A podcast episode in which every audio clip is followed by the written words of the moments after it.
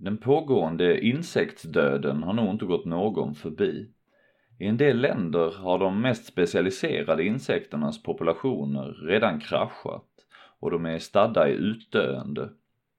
Men det finns fortfarande platser som hyser stora bestånd av fjärilsarter som på många håll redan är utdöda. I det här avsnittet får ni veta mer om tre av Gotlands dagfjärilar.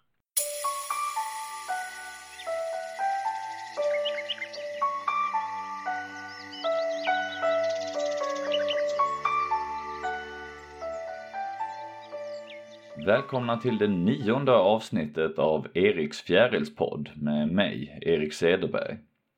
Innan vi tar oss an dagens ämne så kan jag meddela att jag kommer hålla två fjärilsvandringar på Öland i sommar.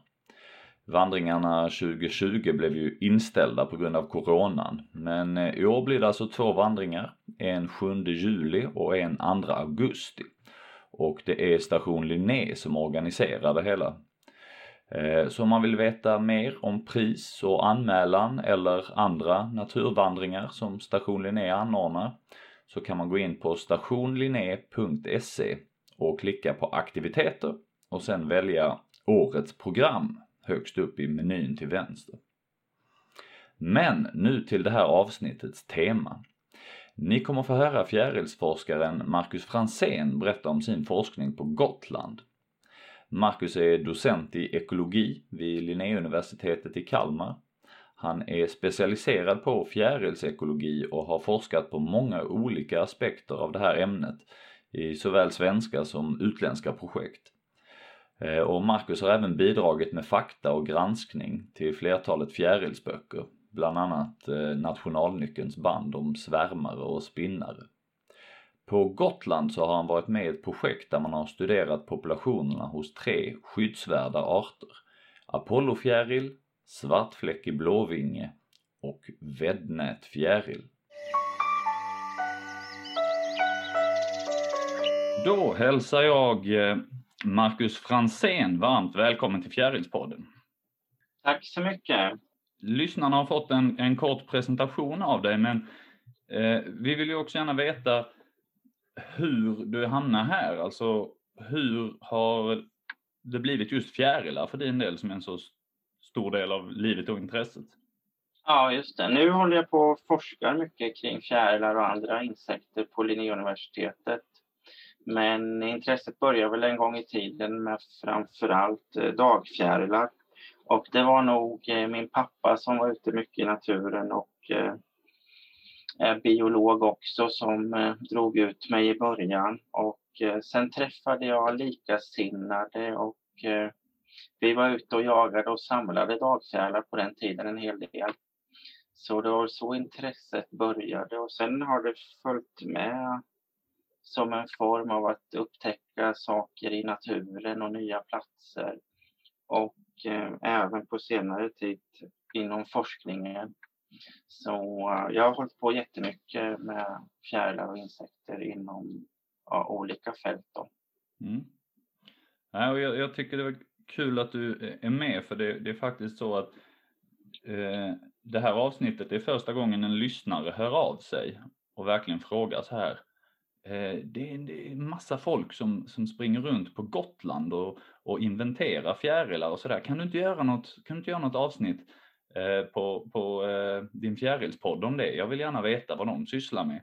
Och, och, jag hade, jag tror en vecka tidigare, lyssnat på just din presentation och, om det här så jag, jag tänkte direkt att ja, men det, här blir, det här blir perfekt om vi kan få med Marcus eh, och få veta lite mer om eh, vad ni har gjort på Gotland och, och eh, vilka resultat de här forskningsprojekten som du har bedrivit har, har gett. För det, Eh, Eh, ja, väldigt intressant. Ja, just det. Jag blev indragen i Gotlandsstudierna lite av en slump genom konsultföretaget Kaluna som hade studier åt eh, Cementa där. Och sen var vi så lyckosamma att vi fick forskningsanslag från forskningsrådet Formas att titta på just effekterna av torkan och eh, framförallt på vädnadsfjäril. Men vi har även jobbat mycket med svartfläckig blåvinge och apollofjäril. Mm, för det, det, är ju, eh, det är tre stycken fjärilar du nämner här och för, för, eh, rätta mig om jag förstått fel, men de här fjärilarna har ni dels inventerat för att förstå ungefär hur, hur ser populationerna ut, hur stora är de? Eh, och sen har du i vissa avseenden gått vidare och tittat på speciella eh, aspekter hos varje art, vad som, eh, ja, men vad som är positivt och negativt för dem vad gäller olika saker i landskapets utveckling och, och hur det sköts och så. Ja, just det. Så egentligen var fokus från början väddnätfjäril och Eh, Eh, det var egentligen innan torkan och innan vi visste så mycket om vart den fanns, hur många de var och eh, vilken skötsel som fanns. Och sen har det utvecklats eh, så bra eller dåligt att extremtorkan kom 2018 vilket gjorde att vi fick fantastiska möjligheter att titta på just torkans effekter och sen hur landskapet sköts. Det är ofta storskaligt och intensivt bete idag. Så även på Gotland. Och Eh, sen var det ju så finurligt att svartfläckig blåvinge minskade våldsamt efter torkan, vilket eh, väckte vårt intresse lite slumpartat. För tidigare har den ansetts ganska utbredd och lite för vanlig på Gotland nästan. Tillsammans med den stora och vackra Apollofjärilen då som också först egentligen väckte vårt intresse lite senare.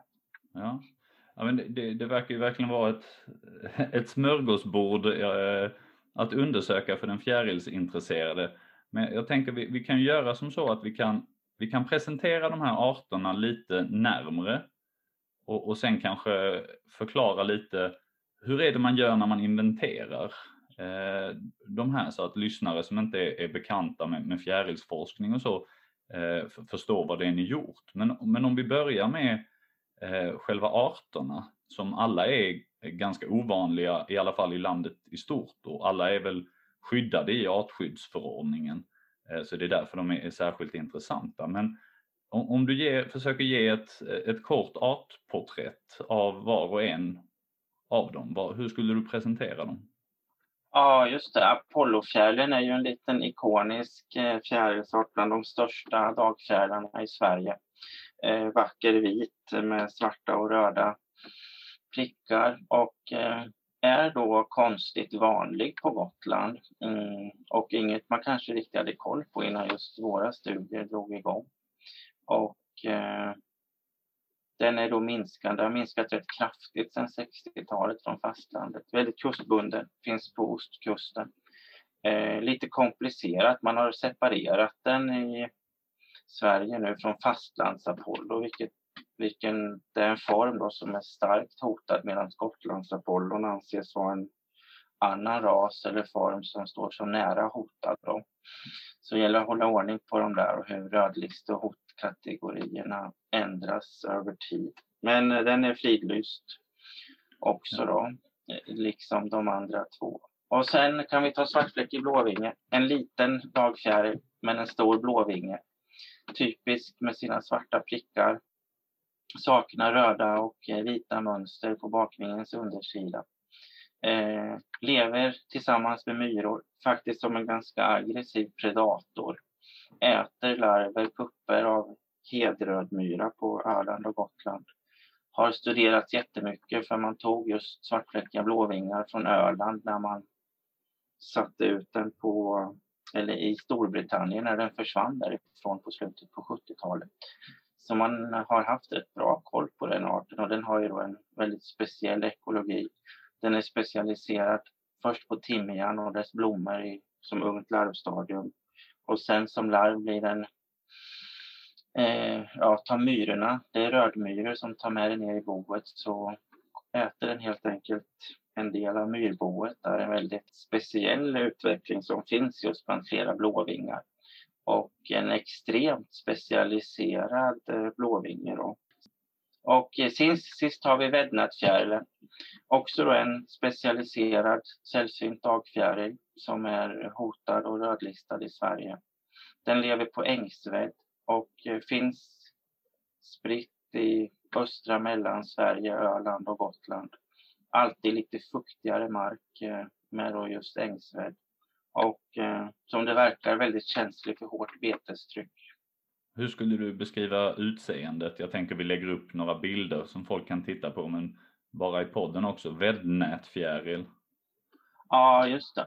Så väddnätfjärilen är ju som en eh, pärlemorfjäril och nätfjäril ofta är orange eh, bakgrundsfärg med svarta mörkare fläckar på och sen en ganska vacker undersida. Så det tål att eh, titta på en bild för att beskriva den bra. Då. Men nätfjärilarna är ofta orangea och i medel till mindre storlek vad gäller dagfjärilar. Mm. Och sen flygtiden är eh, tidigt i juni egentligen. Och svartfläckig blåvinge högsommarart och likaså Apollo som lite tidigare på Gotland. Så de går lite hack i häl. Först börjar väddnadsfjärilen, sen kommer Apollofjärilen och sen svartfläckig blåvinge. Mm. Och eh, många platser i Sverige är det här bara något man, man kan drömma om att gå ut och få titta på väddnätfjäril, svartfläckig blåvinge och Apollo en och samma dag. Eh, mer eller mindre, så det är väldigt karaktäristiskt för Gotland och eh, ja. just, det är väl File Haida det här området heter som du har inventerat mest? Ja, vi har varit i Heinum, File Haidar-området mellan Slite och Visby då, på nordöstra Gotland. Okej, okay. så, så in, innan vi går in på själva undersökningen, bakgrunden här är att vi har ett stort kalkbrott i Slite och det är Smenta som, som har det och de vill expandera det för att de behöver mer kalk till sin cementtillverkning och det område de vill expandera in i, där vet man att de här arterna finns men så har du med, eh, ja, med alla medhjälpare fått, eh, ni fick i uppdrag 2017, 18, 19 att, att inventera de här. Är det, eh, är det korrekt? Ja, det är väl inte riktigt korrekt. Det var väl snarare så att eh, Cementa visade ett ganska stort engagemang och intresse och kontaktade Kaluna som är en ekologisk konsultfirma där, eh, som just hade anställt en forskare som jag kände som ringde och frågade om jag ville vara med på deras nya dagfjärilsprojekt. Så vi ska ge ge kredit också till Kaluna och Cementa då, som verkligen eh, drog igång de här studierna och eh, har varit väldigt aktiva. Och eh, det är ju mycket EU-lagar och regelverk som tvingar exploatörer idag att kompensera och verkligen göra vad man kan för att inte naturen och populationer ska minska eller bli sämre. Då. Så det är ju helt enkelt då en, eh, en åtgärd för att veta vilka naturvärden som finns och hur man bäst kompenserar för dem mm. eh, om man ska bryta mer cement där det då finns hotade och skyddade arter. Och eh, det kompletterar då ganska bra det här forskningsprojektet som kom till 2019 först om extremtorka. Så, så har det gått till. Ja, men då, då, då är jag med lite bättre. Eh, både Kaluna och Smenta och sen har du också blivit en del av det kan man säga. Ja, precis. Eh, och om, om man eh, ska ta sig an något sånt här, hur, hur, gör man för att inventera och få någon slags uppfattning om de här arterna? Eh, hur stora populationerna är och, i området och så. Vad, vad är det man gör? Ja, eh, vi har ju svensk dagfjärilsövervakning och linjetaxering och dagfjärilstranssekter som har tillämpats i England, Finland och även i Sverige, vilket är en ganska enkel och bra metod om man har mycket volontärer och tillgång till eh, tillgång till folk och eh, fjärilar inom olika områden. Men inom ett sånt här riktat forskningsprojekt så eh, går det såklart inte att tillförlita sig på sån data eftersom det inte bor så mycket folk på Gotland och eh, man har specifika frågeställningar som ofta kräver specifika och ganska tidsödande metoder. Så det går egentligen ut på att man karterar livsmiljön. vilken livsmiljö gillar arten? Vilken värdväxt har den? Vart finns värdväxten? Och sen har vi faktiskt eh, märkt dagfjärilarna också. Så vi har bedrivit ett omfattande märkstudier för att just kunna se på hur många de är, vart de finns och framförallt på hur de rör sig också. Okej. Okay. Så detta är det som kallas fångst och återfångst? Ja, precis. Okej. Okay. Så, så linjetransekter när man hittat de intressanta områden då går, eh, där, där arten kan tänkas finnas och föröka sig, då går man helt enkelt bestämda sträckor och så noterar man de fjärilar man hittar. Ja, det finns olika metoder eh, där och det traditionella är helt enkelt att man kanske tar en transekt där man går med hunden eller där man gillar i naturen som man regelbundet går så man slår många flugor i en smäll. Annars kan man etablera linjer, men vi har faktiskt gjort så att vi har delat upp landskapet i hektarrutor, 100 gånger 100 meter. Och sen har vi gått över dem ganska noga där, det, där fjärilar finns och där det ser lämpligt ut. Och sen har vi i princip har vi ofta märkt eh, de fjärilar vi har träffat på. Och eh, ett enklare inventeringssätt som vi har tillämpat är helt enkelt att vi delar in landskapet i områden där fjärilarna finns och åker och tittar om de finns eller inte finns där. Mm. Så uh, det är lite resurskrävande, ja, det beror på tillgången på resurser och uh, frågeställningarna där. Men just de här märkstudierna ger väldigt uh, bra information om vart arterna finns och hur många de är. Så de, eh, vi har inte gjort jättemycket linjetaxeringar än då, men det är någonting som kommer framöver eftersom det är ekonomiskt inte möjligt att fortsätta med markstudier och så. Nej, det, det måste ju krävas massa folk i fält om man, om man ska fånga, märka, återfånga och notera platser för allting kan jag tänka mig. Ja, jo visst. Och sen är det ju väderberoende och eh, sen vet man aldrig riktigt hur många de ska vara. Så vi har ju varit med om att hitta alldeles eh, för många av eh, arter vi inte hade förväntat oss. Men också i, i eh, fallet svartfläckig blåvinge att det nästan helt försvann då. Så man vet aldrig vad man kan förvänta sig heller. Mm. Ja, för, för det, det, är tre år som ni har eh, eh data från, som jag har förstått är det 2017, 2018, 2019 och det blir särskilt intressant för att vi har en extrem torka just precis i mitten här 2018. Ja, just det. Vi ska inte glömma bort 2020.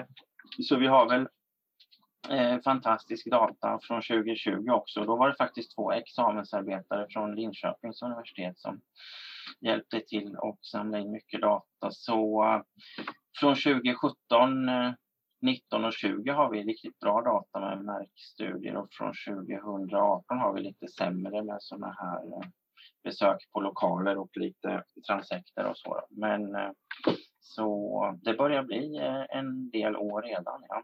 ja. ja men vad, vad, vad intressant, vad kul. För jag läste nog någon, något PM och där var det bara eh, med från 2017, 18 och, och, och 19. Men då var det roligt att det har fortsatt. Vad, vad, kan, man, vad kan man då säga? Eh, man har ju alltid någon form av förväntningar eller någon bild när man, när man går in eh, för, eh, i ett sånt här projekt. Vad, vad kunde ni bekräfta och, och vad var liksom ny information och vad är det mest intressanta resultaten tycker du av de här eh, undersökningarna? Ja, det är ju häftigt att få jobba på Gotland med så livskraftiga, om man får använda det ordet, och stora dagfjärilspopulationer.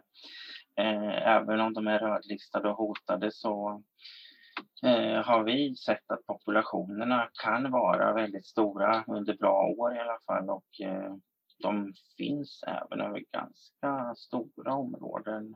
Det vill säga hundratals eller i vissa fall tusentals hektar med lämpliga livsmiljöer. Så det är väl det roliga i det här att man får jobba i ett landskap som inte är fragmenterat där kanske populationerna och individerna har gått under på sikt och det är lite lönlöst att jobba med dem. Så det är väldigt fascinerande att få vara i områden där det finns så mycket individer och relativt mycket habitat. Det var väl lite överraskande, bara en sån grundläggande sak att eh, det kanske inte såg så illa ut som eh, vi trodde att det gjorde innan vi började de här studierna.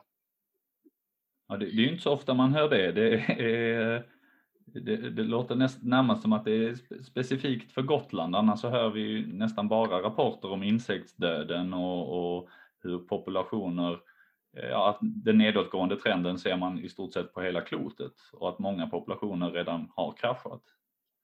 Ja visst, så det ser väl för svartfläckig blåvinge ser vi en nedåtgående trend nu sedan eh, kraschen 2018 såklart. Men eh, Apollokärlen Apollofjärilen ser det väl inte så illa ut för och Väddnadsfjärilen har ju återhämtat sig väldigt starkt. Eh, och eh, det är såklart inget generellt för överbefolkade Västeuropa utan eh, Gotland är Gotland och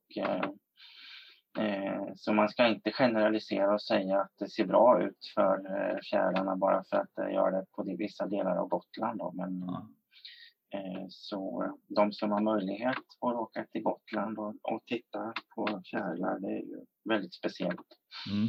Ja, nej, det, det, är en resa jag, jag drömmer om och tänker eh, företa någon gång, men jag har inte kommit iväg. Eh, hittills har jag nöjt mig med att köra över bron till Öland och det finns en hel del att se där. Ja, jo precis. Men eh, andra resultat vad gäller väddnadsfjärilen som vi har fokuserat och publicerat på framför allt hittills. Vi håller såklart på att sammanställa och eh, få ut vårt resultat här så eh, det är på gång en massa rapporter och eh, publikationer. Men man ser också på väddnadsfjärilen hur känslig den är för bete och just hur det här extremåret 2018 leder till foderbrist hos betesdjuren, vilket gör att man betar större ytor, vilket ger en direkt eh, negativ effekt på väddnadsfjärilen. Och eh, Sen 2019 så var betet tillbaks på lite samma områden som tidigare och då ser man direkt hur snabba de är på att återhämta sig. Mm. Och eh, en annan slutsats är väl att skötseln inte alltid är optimal för de här arterna utan det är ju eh, inte helt enkelt hur man ska sköta blomrika marker fortfarande. Då. Ska man beta hårt, inte hårt och eh, så vidare. Även om många insekter kanske gillar att man eh, slottrar och betar sent och att pollen och nektar får vara kvar i form av att blommorna får blomma så är det inte alltid det går hand i hand med Jordbruksverkets regler och kanske brukarnas eh, vad de vill ha ut av sina boskap och djur. Då. Mm. Nej, det, det, är klart. Eh, men det, det är i alla fall positivt att man ser, ser det här att finns det väl möjligheter så kan insektspopulationer eh, de kan komma tillbaka på grund av att de har en sån oerhörd förmåga till reproduktion när honan kan lägga så många ägg. Eh, jag, jag, jag tog faktiskt och, och klippte ut ett citat från er rapport just på det här temat du nämnde med eh, hur väddnätfjärilen kom tillbaka. För ni skriver 2019 att Jämfört med 2018 ökade mängden larvkolonier med 2800 procent. Mm. Eh. Så uh, det kanske belyser också att larvkolonier är lite uh, inte optimalt sätt att inventera arten och att larverna kanske är svåra att hitta eller gömmer sig.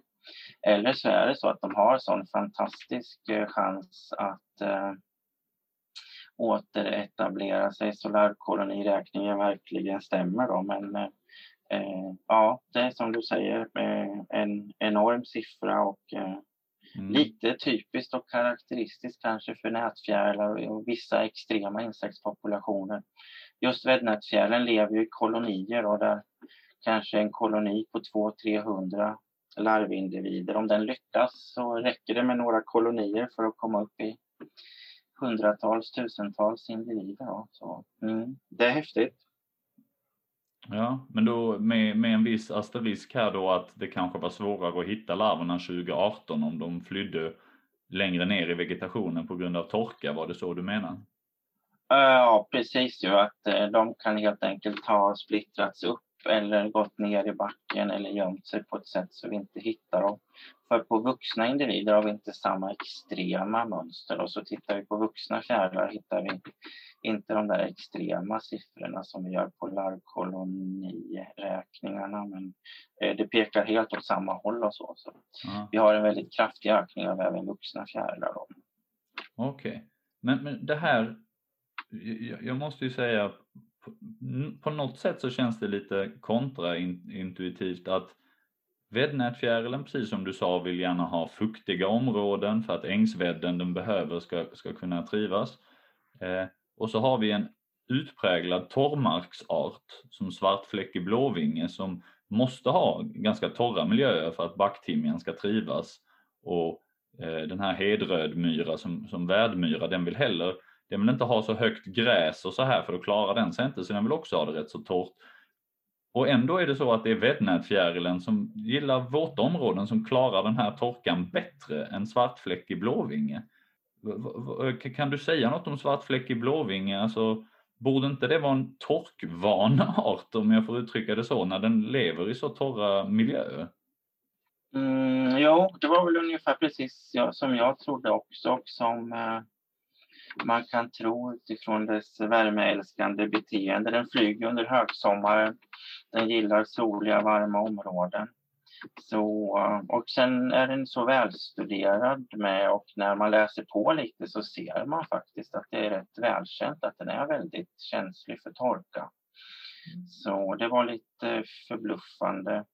Och eh, det har med att göra att eh, den kräver timjan som har knoppar och timjan blommar och knoppar ju inte alls under torrår och sen får myrorna det svårt också. Så det verkar vara en kombination där under torrår.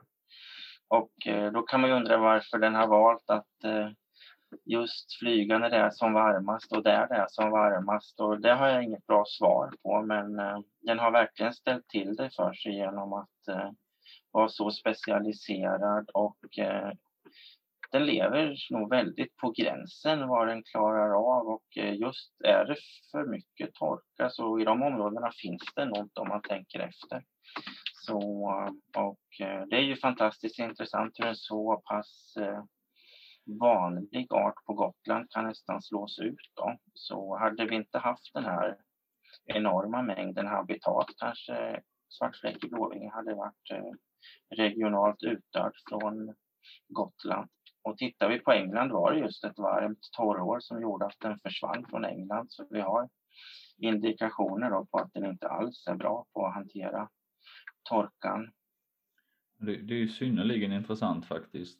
På, på många dagfjärilarter så, så ser man ju att ibland har de förmågan att gå över till en annan värdväxt under torrperioder. Att de kan upp, utnyttja en värdväxt som kanske inte är optimal men som under ett torrår klarar sig bättre än, än den huvudsakliga värdväxten.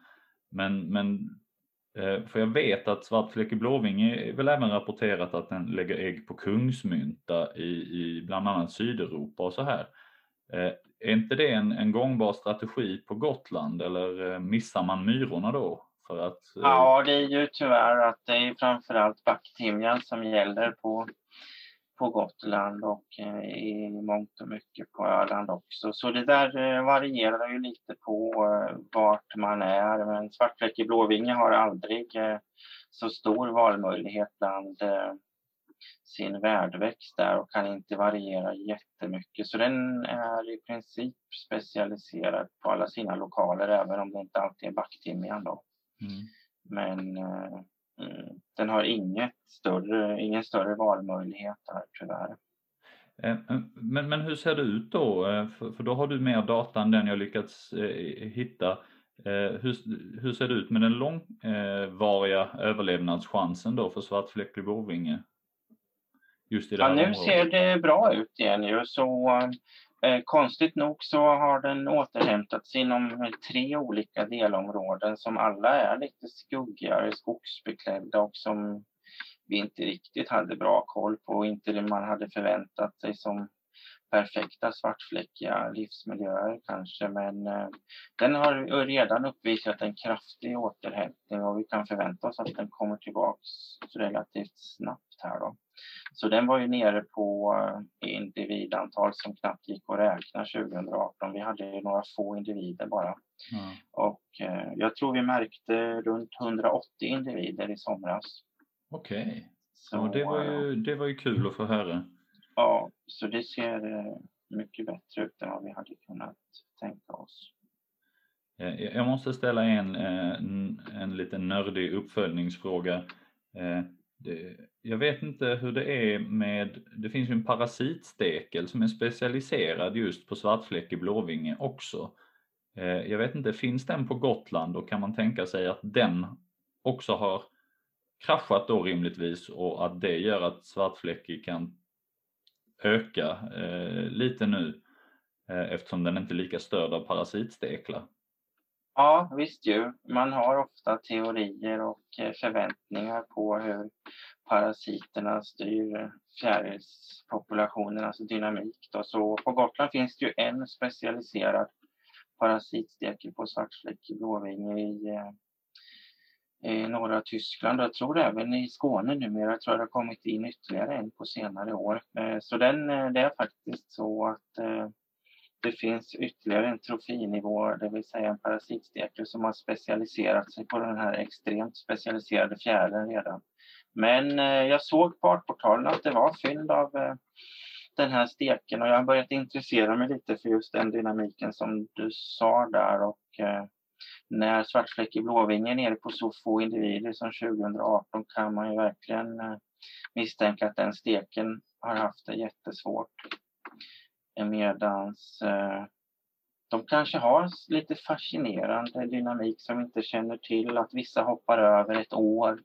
De kanske kan vara puppa eller larv något extra år. Och, de brukar vara specialister på att överleva på ett eller annat sätt. Ja. Så det skulle inte förvåna om det är något vi inte fortfarande känner till som gör att de eh, kan överleva de eh, varmaste perioderna och de största populationskrascherna. Ja. ja.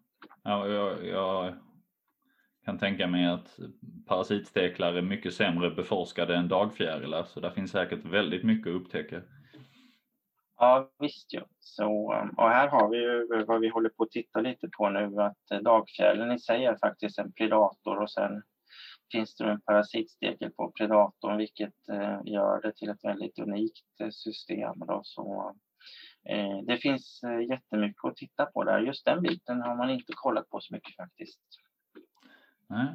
Men eh, jag, jag gissar att det här, eh, ni, ni, har fått in massvis av data då när ni har inventerat under de här eh, åren och sen eh, använder du en del av det här och så har ni väl gjort lite andra undersökningar också eh, för att få de här resultaten om betestrycket som du nämnde med med vednät eh, där ni, ni tittade även på hur, hur djuren betar och, och vad det får, får för effekter. Eh, men sen läste jag eh, nu inför eh, att jag skulle snacka med dig att du var på något sätt med i ytterligare ett projekt där ni ska sätta radiosändare på Apollofjärilar. Det vill jag ju gärna höra mer om. Hur, hur långt är ni komna eller satte coronan ja. stopp för det? Nej, just det. Så eh, hur långt är vi komna? Vi har pratat ganska lite om Apollofjäril. Det är då den här stora vita dagfjärilen och specialiserad på vit fetknopp på Gotland. Och då hade vi hoppats att den var stor nog för att utnyttja de här nya mikrosändarna som har kommit och radiopejla Apollofjärilen. Men nu har det faktiskt kommit ytterligare nya sändare som bara väger något 0,1 gram. De förra vi testade vägde 0,2 och de var tyvärr lite, lite för tunga. Så vi hoppas ta nya tag och testa det här eh, till i sommar. Och ny teknik och pejla dagfjärilar är väl alltid häftigt och kul och vi får se vad det ger lite. Man har ju lyckats ganska bra på monarkfjäril och på vissa skalbaggar och så. Så det finns väl en viss chans att det funkar till sommaren. Kan, kan du beskriva här bara vad man, vad man gör? För jag, jag, tror att de flesta är bekanta med att man sätter sändare i, i halsband på björnar som man söver och sådana här grejer och att fåglar kanske kan ha någon sändare runt benet. Men en liten fjäril, vad, hur, hur går den här metoden till egentligen? Ja, just det. Så det är ju, eh, vad ska man säga egentligen? Det är som en väldigt liten eh, grej som man helt enkelt limmar fast med superlim på mellankroppen eller bakkroppens undersida och sen är det en liten antenn som sticker ut och eh, de har en hyfsad livslängd på 3 till 24 dagar och en hyfsad räckvidd på upp till en halv kilometer som det verkar. Och eh, de kanske är 3 gånger 4 millimeter eller något och väger 0,2 gram då. Och i år ska tekniken ha halverat den vikten då. Så, så går det till. Okej, så eh, om, om mikrochiputvecklingen håller i sig. Jag vill minnas att det finns någon sån här lag om det här just när man pratar om dat, eh, utveckling av, av hårdvara, att man halverar storleken på det på 18 månader eller vad det finns någon sån där tumregel. Mm. Och då, eh, ja, det öppnar ju upp fler och fler arter som man kan eh, sätta radiosändare på. Ja, det är väl som vanligt batterierna som kommer till den kritiska punkten och sen finns det andra mycket dyrare system redan där man kan sätta upp stationer som läser av chip och så, men det lämpar sig inte så bra för en sån här rörlig art som Apollofjärilen. Okej, eh, varför tycker du att det är intressant? Vad är det för typ av frågeställningar som man inte har kunnat eh, besvara tidigare som, som man nu kan ta sig an med hjälp av radiosändare? Det är alltid kul och eh, strategiskt att jobba med nya metoder. Eh, för det är ju alltid, eh, väcker intresse och undran. Och det kan ju såklart svara på frågor vart Apollofjällen befinner sig under tillfällen vi inte kan se dem. Vart övernattar de? Vart födosöker de? Vart vad gör de under vissa perioder och så. Och genom våra väldigt stora märk återfångsstudier så vet vi ganska mycket. Så jag har en begränsad förhoppning om att det ska leda till några revolutionerande eh, resultat. Men eh, det är lite testa metoden och eh, funkar den på Apollofjäril så kanske den kan funka på andra arter och man kan få reda på väldigt mycket intressanta frågeställningar genom att inte vara ute så ofta och mycket och behöva märka upp så stora eh, och så många individer. Då. Så vi får se. Det är eh, fortfarande ett pilotförsök som eh, förhoppningsvis ger mer frågor än svar kanske, om den väl funkar. Ja, det ska bli väldigt intressant att följa faktiskt. Jag vet att jag för något år sedan såg något klipp från Afrika där de märkte upp fjärilar med, eller märkte upp, de satte radiosändare på dem och då tänkte jag direkt, jag undrar när det här kommer till, till, till Sverige. Nu var det ju rätt så rejält stora arter som de, som de arbetar med i Afrika. Jag minns inte vilken det var, men det, mm. ja, väldigt intressant. Det ska bli roligt. Ja visst, just Apollofjällen, jag tror på fastlandet är den ju lite större så där hade det nog funkat medan Apollon på Gotland är lite, lite mindre och lite svagare känns det som. Men vi hoppas på de här nya sändarna då. Ja. Eh, vad gäller Apollons bestånd på Gotland så sa du det tidigare att den eh, verkar vara vanligare än vad man har trott först, eh, vilket bland annat era undersökningar visar och, och att eh, just eh, Gotlands Apollon då av eh, den anledningen har fått en lägre eh, hotstatus i, i rödlistan. Eh, samtidigt så vet jag att det finns människor på Gotland som eh, oroar sig för att de upplever att Eh, den samlas trots att det är en skyddad art. Och, och så finns det ju en speciell färgform, eh, Viscotti-formen, eh, och, och, att den skulle vara utsatt för ett särskilt eh, hårt eh, tryck eh, från folk som vill samla och sälja fjärilar och, och, man oroar sig för att det här kan vara ett hot mot arten men framförallt mot den här eh, färgformen. Vad, vad är din bild av detta? Ja, just det. Det finns ju då den här eh, fantastiskt vackra rödaktiga formen av Apollofjärilen. En form som faktiskt i princip bara verkar finnas på Gotland. Den har då kraftigt röda bakvingar och eh, har fått namnet Viscotti. Och eh, det är ovanligt att det finns former som bara finns på så få ställen. Så det är nästan lite så här endemiskt för Gotland på något sätt och i och med att den bara finns där och Konstigt nog verkar den variera i eh, täthet mellan olika områden på Gotland. Och mellan år och så också då såklart. Eh, vi har väl ganska bra data på hur ovanligt förekommande den är och det går ju att räkna på med genetiska formler eh, hur den vandrar vidare i populationen. Matematiska formler baserade på genetik. Då. Och eh, ja, den är ju föremål, Apollofjäril är ju en sån art som då är föremål för illegal insamling i viss mån men eh, vi har inte hittat något som tyder på att man kan påverka varken populationen och absolut inte Viscotti. Då. Så um, vi ser inte jättemånga av Viscotti varje år. Säg att om du ser 20 individer om du är ute varje dag och då har du sett tusentals eh, Apollofjärilar. Du kanske har märkt tusen Apollo och sett 20 Viscotti. Mm. Så det finns såklart eh, ingen chans att eh, varken påverka populationen eller påverka Viscotti genom insamling. Då. Men eh, ja, det är ju illa där att eh, det pågår eh, kanske viss illegal insamling som sätter dem med hov i, i dålig dager och eh, det finns såklart inget som motiverar en eh, insamling för att sälja eller tjäna pengar på någon dagfjäril. Så det är ju väldigt tråkigt att sånt sker. Och eh, ju vackrare och ju ovanligare och ju mer illegal, ju högre värde. Så eh, Apollo är ju fridlyst och det är en speciell form och Eh, så det kanske är så att det, det springer folk med hov och jagar dem där och då måste man ju jaga många timmar per Viscotti då.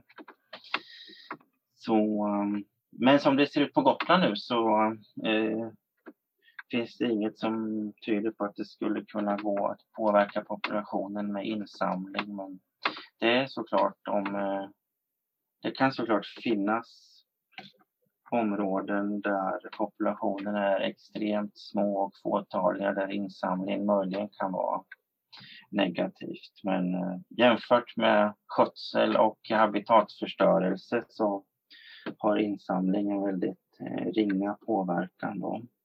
Okej. Eh, är det fler eh, resultat som, som jag har missat att fråga om här?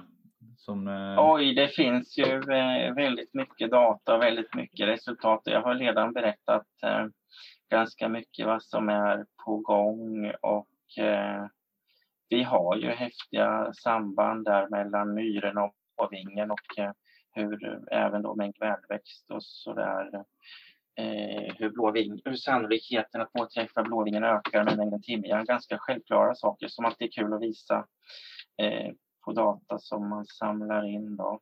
Och, eh, nej, jag tror inte att eh, det är något specifikt revolutionerande som vi missat. Men ni får följa med här. Vi hoppas att det blir eh, mycket grejer som kommer ut här under våren och försommaren så vi kommer eh, ut med all den här häftiga datan och resultaten. Då.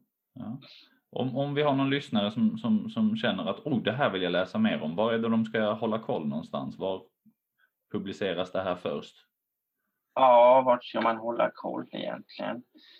Eh, det är en bra fråga. Man får väl hålla koll lite på internet och eh, hålla sig eh, uppdaterad med kompisar. Och nu är det väl förhoppningsvis att det blir vetenskapliga tidskrifter. Det är väl inga rapporter i någon svensk media som är på gång här och inga artiklar i någon svenskspråkig tidskrift heller. Då.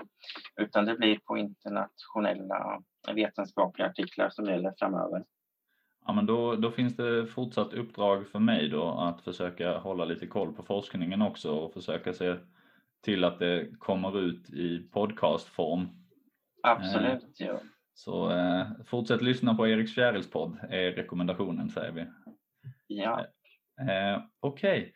Okay. Eh, jag, jag, undrar här för att det, det finns ju ändå en, en oro eh, hos vissa att Anledningen till att man gör det här i, i viss eh, eh, mån är att man ska expandera en dagtäkt och man expanderar in den i ett område med höga naturvärden. Eh, Smänta vill bryta mer kalk, man måste ta bort skogen och man måste ta bort en del eh, livsmiljöer. Och som jag har förstått det så pågår det en process där man försöker utreda alla de här svåra frågorna och det är mycket, mycket mer än, än vad, vi, vad jag tar upp här i podden. Det finns ju frågor om markvatten, grundvattennivåer och sånt. Eh, självklart på Gotland, det finns massvis av, av växtarter och så, men vi, vi fokuserar på fjärilarna. Och där var du inkallad som expertvittne i den här processen. Kan du säga no någonting om det? Vad är, vad är det man frågar dig om? Ja, det var ju eh, lite vad jag hade för åsikt och vad våra forskningsresultat tyder på och eh, hur, hur mycket fjärilarna skulle ta skada eller skulle kunna ta skada av eh, eventuellt utökad täktverksamhet. Och eh, det blir ju väldigt omfattande utredningar och eh, det blir olika läger då, där vissa är väldigt för och vissa är väldigt emot och så vill man kanske ha en forskares åsikt också när man ska ta beslut i det där komplicerade ärendet. Då. Eh, du får rätta mig om jag har fel, men, men som jag har förstått är det just väddnätfjärilen som, har, som det har blivit fokus på. För det utökade området där man vill bryta kalk, det påverkar väddnätfjärilens livsmiljöer i högre grad än de andra båda arterna, stämmer det? Mm, Väddnätfjärilen har ju ansetts eh, ha en högre status inom EU, men nu kom ju faktiskt beslut för Nordkalk här från eh, Miljööverdomstolen där Svartfläck i Blåvinge hade också eh, fick väldigt eh, hög eh, skyddsstatus. Och det kom ju ett, eh, en dom i EU som i princip likställda alla skyddade arter, individer, att de inte får skadas och röras. Och det där är väldigt aktuellt och eh, komplicerat ärende. Tidigare var det ju Väddnadsfjällen som var i fokus, just att den har lite högre status inom EU. Då. Men man kan ju eh, såklart ifrågasätta fridlysta skyddade arter. Hur, men ska vi eh, skydda alla individer så blir såklart mänsklig aktivitet svår så, så, eh, så, så, kan man ju formulera det, men, men jag, jag måste ju ändå eh, ställa frågan eh, lite mer rakt. Vad, vad är din bedömning om eh, Smenta eh, utökar sin täkt? Eh, kommer det behövas någon form av habitatskapande åtgärder på andra eh, nya platser för att säkra de här arterna? Är det bara att köra på? För att Eh, Eh, det är klart att någon form av effekt måste det väl få, eller? Oj, ja det är ingen tvekan om att det får effekt och att det är ett av de eh, naturområden som är mest värdefulla kanske inom Sverige och på Gotland. Då. Och eh, såklart så krävs det kompensation och eh, man har väl visat ett ganska stort intresse att verkligen kompensera den skada man gör och eh, i det här fallet är det ju ett igenväxande landskap där om man återställer lite vattenregimer och glesar ut lite skog, där jag tror att det finns möjlighet att eh, eh fortsätta kanske både att fjärilarna får det ungefär lika bra som de har det nu och att vi fortfarande får cement. Så jag är väl lätt optimistisk att det kan funka. Och eh, ja, det är ett unikt projekt i sig det där i och med att det är så mycket kunskap som har samlats in och att eh, vi pratar verkligen om att eh, tar man bort livsmiljö så har exploatören mer eller mindre lovat att kompensera för det. Då. Så eh, det bjuder också på spännande möjligheter att se om det verkligen är möjligt. Då. Eh, det finns ju inga bra exempel på det innan och jag vet inte ens om det finns bra exempel på att man har försökt. I alla fall inte på så här seriös nivå. Kan du förklara lite, för, för jag läste i er rapport om att ni har gjort försök med restaureringsytor. Eh, för det handlar inte om att ta det här gamla cementbrottet där det är liksom allt är uppbrutet, det är barmark och försöka skapa något där. Det handlar, handlar mer, som jag förstod att för, om att förbättra eh, livsbetingelserna för arterna i det kvarvarande område där man inte bedriver någon, eh, någon kalktäkt. Stämmer det eller? Ja, just det. Det finns ju rätt stora nu eh, projekt och idéer kring restaureringar och eh, hur man bäst restaurerar och var man restaurerar. Men eh, ska du gå på djupet i sådana frågor så måste du prata med John Askling på Kaluna tycker jag. Så vi har även sökt pengar för ett forskningsprojekt att faktiskt få studera det där. Och det är lite i sin eh, linda då att uh, har inte exploatörerna tillstånd så blir det såklart oklart om man vill och kommer restaurera. Och uh, det är verkligen uh, saker som står i pipeline och som vi hoppas både kunna forska kring och se på hur man restaurerar och Eh, när och om fjärilarna koloniserar. det är ju så att exploatering sker ganska mycket genom militärer och husexploatering och det finns i samhället ett ganska stort behov av att bli bättre på att just kompensera för våra stackars insekter. Så vi gör ju egentligen allt vi kan för att eh, inte vara så bra på det där. Så jag eh, hoppas att det kan bli något så lite mer generellt. Ju. Och ofta dagfjärilar, de trivs ju där vi har varit och gjort saker. Gamla nedlagda stenbrott ut med vägar, eh, gräsmarker, åkermarker i träda och sådär. Så eh, det är ett samspel där också som inte alls är lätt. Så mm. Jätteintressant och eh, tyvärr så har det blivit då väldigt infekterat där med Cementa.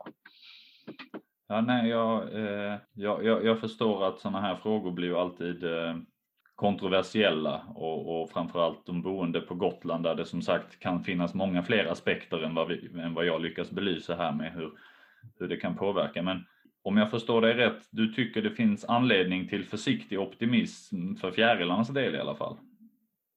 Eh, ja, jag är inte jätteorolig för det som sker nu. Eh, så eh, har man ett så här strikt regelverk och eh, upplyser och uppmanar exploatörer till att både utreda vad som finns och kompensera för skada så kan det väl vara något ganska positivt i längden. Men på Gotland gäller det verkligen att hålla hålla tungan rätt i mun och inte komma, man kan ju såklart inte expandera och bryta hur mycket kalk som helst och man får verkligen prioritera så det blir de mindre natur, ja, de områden med mindre naturvärden då. Och det gör man väl om man kan för att göra då. Men i princip all natur som inte är exploaterad på Gotland är ju faktiskt eh, fantastiskt och har höga naturvärden då. Mm. Mm. Men, men finns det inte en risk att man kommer driva de här arterna framför sig. Alltså Smenta kommer väl vilja fortsätta sin verksamhet och kommer vilja utöka sitt dagbrott ytterligare i framtiden. Och riskerar man inte bara att på lång, lång sikt äta upp det här området där man har ägnat tid åt restaureringsinsatser eller är det en överdriven oro? Nu, nu är det svåra, svåra frågor givetvis mm. men, men eh, jag vill ändå vrida och vända på det. Ja, det finns ju inga scenarier som tyder på att vi kommer minska vår eh, konsumtion och cementbehov i framtiden. Frågan är väl snarare vart den ska komma ifrån. Eh, och eh, visst ju, eh, någon gång finns det väl säkert eh, att eh, fjärilarna och naturen måste komma först. Det kanske redan har skett. Det är, det är ju redan eh, väldiga restriktioner där med kalkbrotten. Då, så. Men eh, absolut, ju, det finns ju eh, inte obegränsat eh, med kalk och eh, så. Ja, men det är ju en komplicerad fråga helt klart. Då. Ja, jag, eh, jag kan ju avsevärt mycket mindre om, om, eh, om arterna men eh, eh, jag, jag inväntar nog och ser hur det går med de här restaureringsprojekten innan jag ja, uttalar mig. Jag hoppas innerligt att du, att du har rätt Marcus. vad, vad tror du? Kommer eh, Smenta få det här tillståndet? Att, Oj, det borde ha kommit nu. Jag vet inte hur det går. Jag kikar på deras hemsida och det stod ingenting just där. Nej, så vi får se hur det går. Vi, jag antar att de flesta involverade här väntar med spänning. Och eh, eh jag vet inte, det, det, verkar ju som att kärlar och naturen har fått väldigt mycket makt och det inte finns riktigt någon så här eh, eh något självklart ja eller nej vad jag känner till där. Så jag kan inte svara på den frågan. Nej, taskig ja. fråga kanske. Mm. Eh, Okej, okay. Eh, jag vet inte om vi som avslutning eh, försöker, om du får blicka framåt och, och önska fritt. Vi har redan pratat om radiosändarna och Apollo. Har du fler eh, eh, frågor som du går och bär på, fler undersökningar? Vad skulle du vilja göra i framtiden med din forskning? Eh, oj, ja, vi håller ju på mycket och tittar på förändringar som du har haft uppe i podden här tidigare. Eh, just den här fantastiska expansionen och kanske den mer tråkiga tillbakagången av många arter och har även mycket på gång med våra nattfjärilar. Eh, så det är väl sånt som står i pipelinen och som sker parallellt med Gotlandsprojektet där. Men eh, annars vet jag inte. Jag är ju också, tenderar ofta till att hamna i mer tropiska delar och skulle jättegärna ha något internationellt någon gång. Men det är nog mer en vision och inget som är på gång just nu i alla fall. Okay. Så nu blir det skriva klart alla resultat och försöka få ut sina data här till allmänheten just, så det är fullt upp med det. Ja, nej men eh, då hoppas jag att det finns anledning att bjuda in dig igen i framtiden när du har eh, fler intressanta resultat att dela med dig av och vi kan få lära oss ännu mer om de här arterna och andra. Ja, visst. Då så, tusen tack för att du medverkade i Eriks fjärilspodd, Marcus. Ja, tack så mycket. Du har lyssnat på Eriks fjärilspodd.